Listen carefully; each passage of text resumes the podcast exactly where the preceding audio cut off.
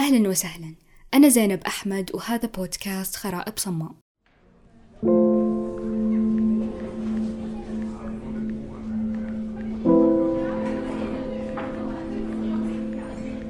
لطالما كان مقهى العم درويش أكثر من مجرد مقهى يديره بنفسه منذ أكثر من عشرين عاماً. عشرون عاما وهو يحتضن هذا الجمع الغفير من الناس. مرتادي المقهى من مختلف الأعمار والجنسيات والشخصيات. لذلك كان هذا المقهى مدرسة لتنمية الثقافة بامتياز وبيئة خصبة للتواصل الاجتماعي. في أول طاولة على اليمين تجلس أكبر مجموعة من مرتادي المقهى. ولا أعني أنهم أكبر عددا فحسب بل أكبر عمرا كذلك. فهم أصدقاء العم درويش الذين اعتادوا على الجلوس هنا كل يوم ولساعات طويلة. لا يجرؤ على استخدام مقاعدهم أحد. لا لأنها تخصهم فقط بل لأنهم لا يفارقونها أبدا. بجانب كل كرسي عكاز صاحبه يتكئون على بعضهم البعض أكثر من اتكائهم عليها. وقد كانوا عكائز بعضهم البعض لسنوات طويلة.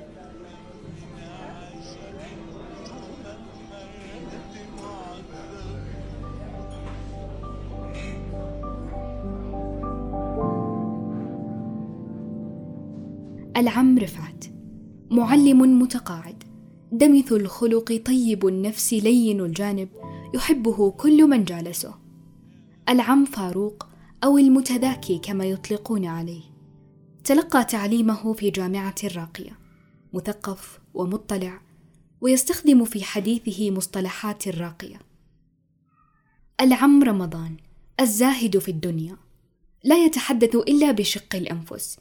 من المستحيل أن تجده يخوض في أحاديث الغيبة صمته صمت حكمة لا صمت جهل أو خجل ودائما يبتسم ابتسامات غريبة تجعلك تراجع ما قلته وتفكر مرتين قبل أن تقول شيئا في حضرته. العم إسماعيل المزواج تزوج أربع ولديه من الأبناء ست ومن البنات خمس. لا ينفك يتحدث عن تعب الإعالة والمصاريف وصعوبة التربية، رغم أنه لا يعرف مراحل أبنائه الدراسية، وكثيرا ما ينسى أسماء بعضهم. فهو دائم الجلوس في المقهى ولولا نهي الشريعة لما تردد في أن يتزوج الخامسة. العم خالد الغائب الحاضر توفي قبل سبعة أعوام وما زال كرسيه إلى اليوم فارغا. لا يجرؤ أحد على الجلوس فيه أبدا. تخنقني أحاديثهم عندما يروون مواقفهم الطريفة معه. وتملأ المقهى أصوات ضحكاتهم، ثم ينهون الضحك بنظرات حزينة تملأ القلب أسى. حزنا على فقيدهم على أنها سبعة أعوام إلا أنهم كانوا حريصين جدا على إحياء ذكره بين الحين والآخر العم درويش الذين كانوا حريصين جدا على عدم المبالغة في المزاح معه أو التدقيق في كل ما يبدر منه من أقوال أو أفعال. لا لأنه مالك المكان بالطبع بل لأنه شخصية غير مفهومة إلى حد ما. وكل هذه السنوات لم تمكنهم من أن يفهموا سبب نهوضه المفاجئ من الطاولة في كل مرة والانزواء بعيدا بلا توقيت مبرر. كمن تلقى نداء داخليا أرغمه على مغادرة المكان والابتعاد قليلا. ثم إن مشهد المقهى الممتلئ يغريه كثيرا. فيحب الوقوف لمراقبة هذه الجماعات من بعيد. وسماع أصواتهم المتداخلة. أليست هذه هي الغاية الأساسية من إنشاء المقهى؟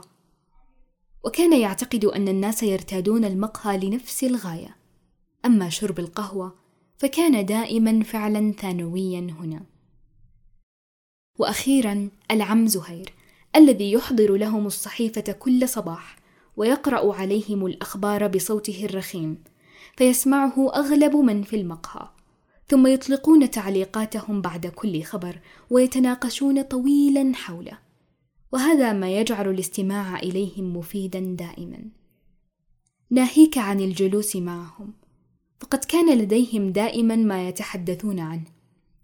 في السياسة والاجتماع والاقتصاد والأدب والشعر وحتى الموسيقى. يختلفون كثيرا حتى لا يقرر الواحد منهم مغادرة المكان. وقد تعلو أصواتهم بالجدال والعتاب كما تعلو بالضحك والمزاح والعجيب أنهم يدخلون صباح اليوم التالي وكأن شيئا لم يكن. الود والحب الذي بينهم أكبر من أن يفسده اختلاف في الآراء أو التوجهات.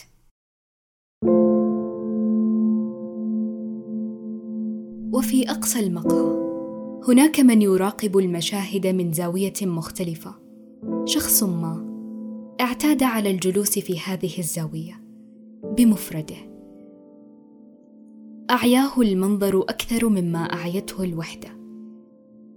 لم يتخلف عن الحضور يوما. يلاحظهم من بعيد كصفحة من الذكريات. فللمكان ضوء أصفر يضفي على المشهد ألق الحنين. أما الآن وقد أنهى فنجان الجماعة وأخذ نصيبه منها آن للوحدة أن تأخذ نصيبها منه. يدخن حمزة سيجارته ويعود إلى البيت. وحيدا فارغا إلا من الوحدة. يداه من غير أمتعة وقلبه دون ما وردة. فقد وزع ورداته على البؤساء منذ الصبح. وعاد إلى البيت. وحيدا يصنع القهوة. وحيدا يشرب القهوة.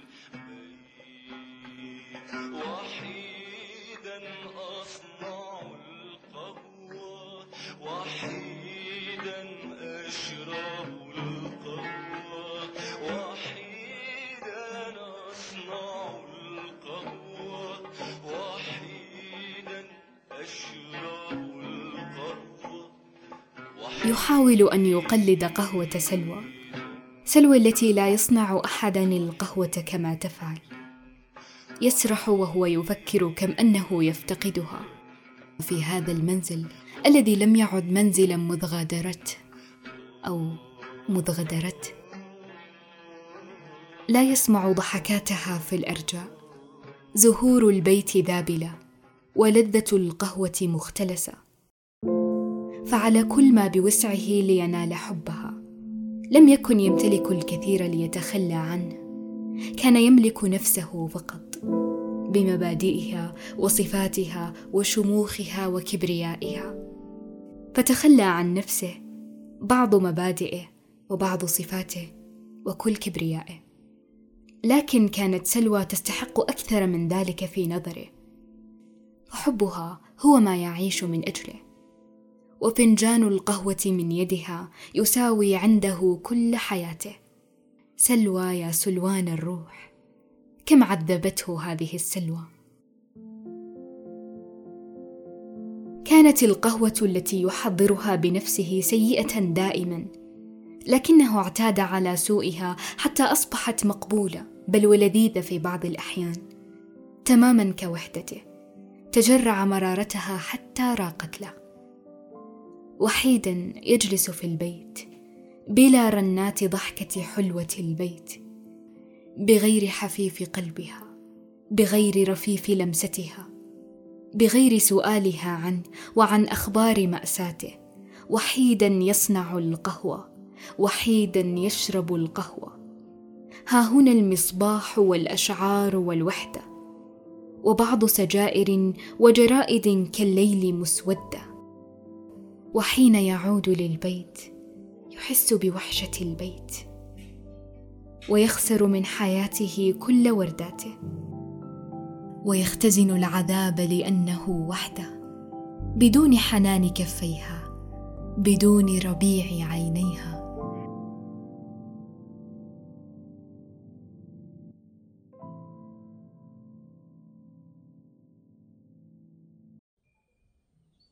في صباح اليوم التالي وعندما كان يرتدي أحذيته ليذهب للعمل رن جرس البيت فإذا به جاره المعلم رفعت. يخبره أن بواب العمارة قد توفي والده وأنهم ذاهبون لتعزيته إن أراد الذهاب معهم. قالها رفعت بلهجة رسمية فهذه الطريقة التي أصبح يحدثه بها مذ بدأ حمزة في تجاهله طوال العامين الماضيين. بلا أي مبرر واضح. لم يكن حمزة يكترث لا بمشاعر جاره رفعت ولا بوفاة والد البواب. كان يتملص من مثل هذه الواجبات. كان يكره أن يكون ملزما بشيء تجاه أحد. فلو فكر في الأمر مليا هو مجبر على أن يقوم بالتعزية. لكن هل حقا يشعر بالحزن على رحيل والد البواب؟ بالطبع لا فلم يكن يعرفه. ماذا عن البواب إذن؟ هل يشعر بالأسف عليه لأنه فقد عزيزا هذه الليلة؟ الجواب مرة أخرى لا. فلا تربطه أي مشاعر بالبواب اذا هو مضطر للتمثيل وادعاء الحزن والأسى هذه الليلة. كان يعرف أن انعدام المشاعر هذا كان نتاج الوحدة التي يعيشها. سرقت منه الوحدة القدرة على التعاطف مع الآخرين والرغبة في مشاطرتهم أحزانهم والقدرة على العطاء. لم يكن يجد للعطاء تحديدا معنى فليس لديه ما يعطيه. أخذت سلوى معها كل شيء. عندما انتقل جاره المعلم رفعت إلى هذه العمارة لأول مرة كان حمزة جالسا على الدرج يدخن سيجارته. تبادلا أطراف الحديث على عتبة الباب. وكان حمزة مطمئنا من الداخل تجاه رفعت. أحب الحوار الذي دار بينهما. في الواقع هو لا يتذكر حول ماذا كانا يتحدثان. هو فقط يتذكر تلك الطمأنينة التي ملأت جوفه. والرغبة في الحديث التي استيقظت بعد طول رقادها. وهذا لا يحدث إلا نادرا. لكن مع توالي الأيام بدأ يشعر بالملل من رفعت ومن أحاديث رفعت وبدأ في تجنبه. يحاول أن يعود في أوقات غير أوقات عودة رفعت لئلا يضطر لملاقاته وإلقاء السلام عليه. فهو يكره أن يعتاد أو أن يعتاد عليه. يكره فكرة انطفاء هذا الوهج الذي يشدنا للآخرين أو يشد الآخرين إلينا. في الواقع لم يكن يشعر بالملل وحسب إنما بالخوف أيضا.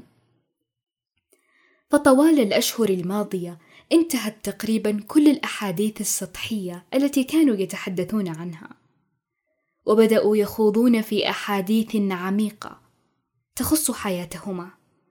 الشيء الذي لا يطيقه حمزة على الإطلاق. بدأ يشعر بالخطر على وحدته. لا يريد أن ينتهكها أحد. بدأ يشعر أن قدم رفعت تجرأت على تخطي العتبة وهي راغبة الآن في دخول المنزل. كان مولعا بالتجديد ولديه قناعة مفادها أنه متى طال عمر العلاقة مالت نحو الجانب السيء. لذلك كان حريصا على أن ينهيها باكرا.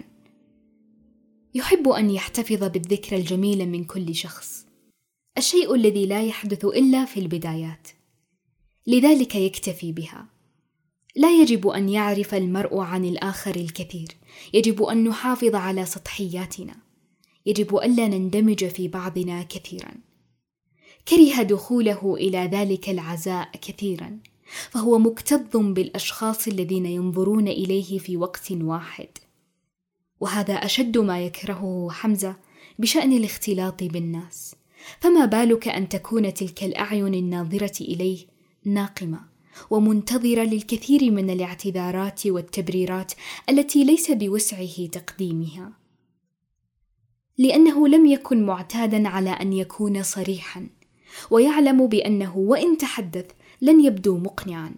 لذلك كانت تروقه فكرة الانسحاب بلا خبر أو سبب أو تبرير تماما كما فعلت سلوى. ولو أنها بررت سبب اختفائها لما تعلق بها إلى هذا الحد. أحب أن يكون نسخة أخرى من سلوى لكل من يدخل حياته. حتى الفتاة التي كان مفتونا بها لأكثر من ثمانية أشهر أصبحت في نظره عادية بمجرد أن التفتت له وأحبته لأنه بالأصل لم يحبها بل أحب عدم حبها له. فأصبح ينظر إليها كساذجة ذليلة. وهذه هي نظرته لكل من يحبه أو يقدره. فقد كان يظن أنه يحب نفسه ويقدرها إلى درجة لا يرى أن هناك من يستحق شرف مجاورته. بينما في الواقع كان يحتقر نفسه إلى درجة تجعله يحتقر كل من يحبه ويرضى به. هذا ما غذته فيه الوحدة. تقدير الذات الوهمي أو احتقار الذات الذي يختبئ خلف شعار تقدير الذات. لذلك تحديدا كان يؤيد السطحية لأنك تتمكن خلالها من الادعاء والتمثيل لكن متى خسرت العلاقة سطحيتها؟ ستبدأ حقيقتك بالانجلاء شيئا فشيئا ولن تتمكن بعدها من التمثيل باحترافية. ستكشف على الفور. ولا شيء أسوأ عنده من حياة لا كذب فيها. تألم فتأقلم فتعلم فعمم. أربع كلمات تختصر مسيرة حياته كلها. عندما دخل إلى شقة العزاء لم يعرف ماذا يقول. كان فاشلا في هذه الأمور خاصة في تصنع الأسى. سلم على البواب تمتم ببعض الكلمات المجردة من العاطفة الحقيقية. ثم جلس مع الجالسين. شعر بحرارة الكرسي تزداد شيئا فشيئا وكأنه جالس على نار موقدة. كان يتصبب عرقا لأنه كان يشعر بثقل المسؤولية أو ثقل الموقف الذي هو فيه الآن. كان محرجا. كل من استمر في الهرب منهم يجلسون حوله الآن وكأنهم ينتظرون منه تبريرا أو اعتذار. كان ماهرا في خسارة الأصدقاء فقط لأنه يخاف من خسارتهم. كان يتعجل الخسارة ليتفادى الخسارة. فالصداقة فكرة يكتنفها الغموض نوعا ما لطالما أربكته. أن يكون هناك شخص ما قريب منك إلى هذا الحد يعرف عنك الكثير يزعجك غيابه ويربكك اختفاؤه. هي فكرة مقيدة إلى حد ما وهو لم يكره شيئا في حياته بقدر كرهه للقيود. فأن يكون على قيد الحياة يعني الا يكون مقيدا بشيء آخر وأن يكون على قيد علاقة يعني الا يعود على قيد الحياة. فالحياة بالنسبة إلي لا تحتمل قيدين. وبعد تجربة مريرة لم يعد يأخذ العلاقات على محمل الجد ولا حتى على محمل الهزل. لا يأخذها على أي محمل لا يرهق نفسه في الخوض بها أصلا ايا كان نوعها.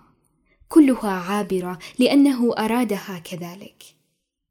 أما أن يعلق عند أحداها طويلا فقد فعلها سابقا ولا ينوي تكرار التجربة. بات يخشى من الانخراط في علاقة لا يعرف لها مخرجا.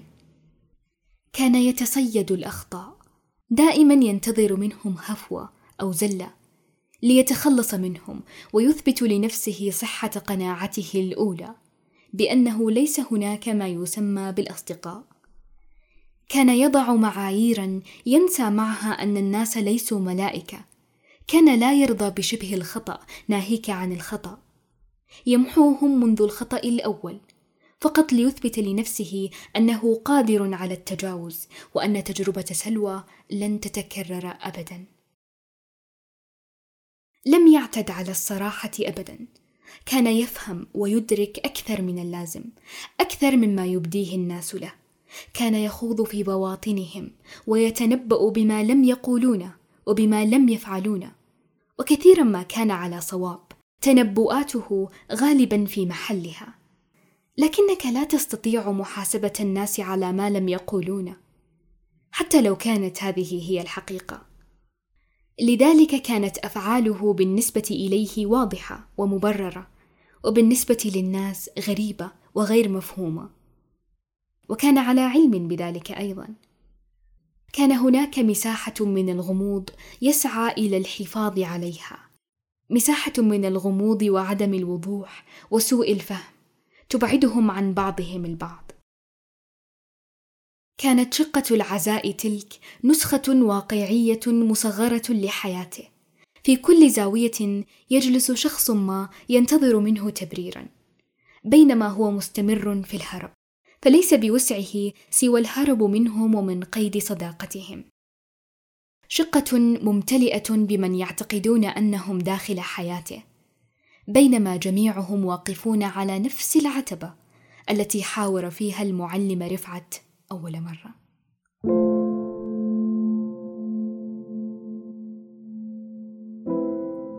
هذه الوحدة كم علمت؟ وليس كل علم ينتفع به فقد علمته الصالح والطالح. علمته سرعة التجاوز وبطء الاندماج في الناس. علمته النظره الساخره أكثر من اللازم للعلاقات والجاده أكثر من اللازم للهفوات. علمته الصبر وعمق التفكير والتعلق بأشياء ليس من شأنها الزوال لكنها غذت فيه الأنانية وكره العطاء والمشاركة. علمته ألا يكرر تجاربه السابقة وحرمته في المقابل من كل التجارب الجديدة. عظمت فيه حب الذات والكبرياء الزائف الذي يفقده كل من يحبونه وأضعفت فيه الثبات فتارة تهينه وتخرجه ملوما مذلولا فيحتقر نفسه ويحتقر كل من يرضى به وبصحبته. وتارة تعظم منه فلا يرى في الكون أحدا سواه هكذا هي الوحدة تظنها أمانك الوحيد لكنها بقدر أمانها مخيفة مهيمنة وترفض أن تشاركك مع أحد. تتركك تلهو قليلا ثم تؤشر لك بطرف إصبعها فتلهث وراءها كمن رأى فاتنة راودته عن نفسه. فلم يستعصم إلا بها. كان جالسا في مقهى ما وهو يفكر كم أنه خائف من أن يندم يوما على عدم حصوله على صداقة واحدة حقيقية. صحيح أن له تاريخ ممتلئ بالخيبات تسبب هو في معظمها لكنه مع ذلك كان يخاف. يخاف من أن يمضي عمره وحيدا. من ألا تعود الوحدة خيارا بل قدرا محتوما. حاول أكثر من مرة لكنه ارتد بقوة إلى عزلته. كان يتمنى فقط لو أنه يستطيع الانخراط في العالم لكن بدون أن ينخرط به. الحل الوحيد أن يدعوهم إليه لكن دون أن يكون هو الداعي. أن يجلس بينهم دون أن يفقد حرية مغادرة المكان متى أراد. أن تكون له دائما حرية الانسحاب. الا يتقيد بأحد. أن يكون جزءا من المجتمع لكن بدون أن يتورط فيه. أن يكتفي بالنظر. أن يظل متفرجا فقط. تلفت حوله ليجد ضالته. فالمقهى هو المكان الوحيد الذي تكون فيه محاطا بالناس ومنفردا في آن واحد. فخطرت له الفكرة الأمثل. أن يمتلك مقهى. مقهى درويشيا يضم كل من يجد نفسه في قصيدة محمود درويش. كل من يعود إلى المنزل فارغا إلا من الوحدة. وبالفعل امتلك مقهى أسماه مقهى درويش. ومع تقدم السنوات نسي الناس شيئا فشيئا أن اسمه حمزة ليتبدل اسمه من حمزة إلى درويش. عندما ينزوي كل مرة ويتأمل الناس من أقصى المقهى يتذكر الشاب بداخله. يذهب كل يوم إلى المقهى درويشا بعكازه ويعود إلى البيت شابا تعذبه الوحدة. وبين حمزة ودرويش ما زالت سلوى في القلب وما زالت الوحشة في المنزل. فصحيح أن المقهى معبرا لآلاف الأشخاص لكن حياته كانت معبرا آخر لآلاف أخرى. وإن كان مقهى العم درويش مدرسة فقد كان العم درويش معلمها الأول.